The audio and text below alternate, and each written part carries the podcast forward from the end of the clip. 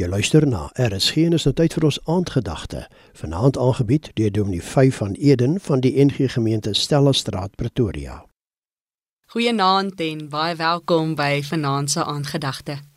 Ons dink hierdie week saam na oor hoe leef ons met 'n groter bewustheid van God se teenwoordigheid. En daarmee saam dan nou die verskillende geloofsgewoontes wat ons hiermee help.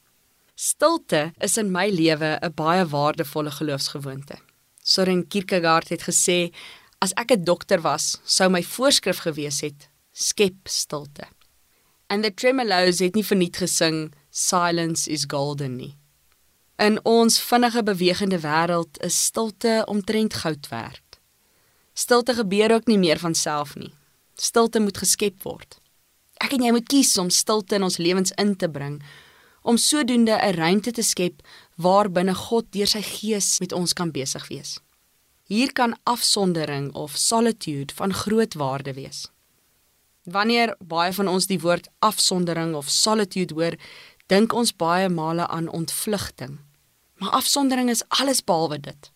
Afsondering is om tye weg van die invloed van mense en ons kultuur se invloed te kom sodat ek verander kan word om dan terug te kom en meer eg liefde te kan leef tussen ander mense. Schopenhauer verduidelik dit mooi. Hy sê it is solitude that drives us to society and it is society that drives us to solitude. Ek dink afsondering en stilte is vir meeste van ons moeilik en eintlik 'n bietjie ongemaklik. Iemand verduidelik die rede hiervoor vir my verskriklik mooi wanneer hulle skryf Silence frightens us because it is silence that brings us face to face with ourselves. Silence leaves us with nowhere to hide. Silence is, in other words, life's greatest teacher. Afsondering en stilte konfronteer ons met onsself en ons diepste motiewe.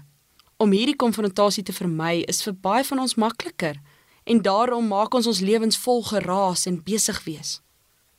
Die hartseer is dat in ons wegvlug van stilte en afsondering ons op 'n dieper bewustheid van God se teenwoordigheid uitmis.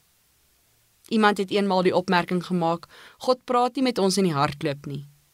Waarskynlik is daar 'n groot stuk waarheid in sy opmerking.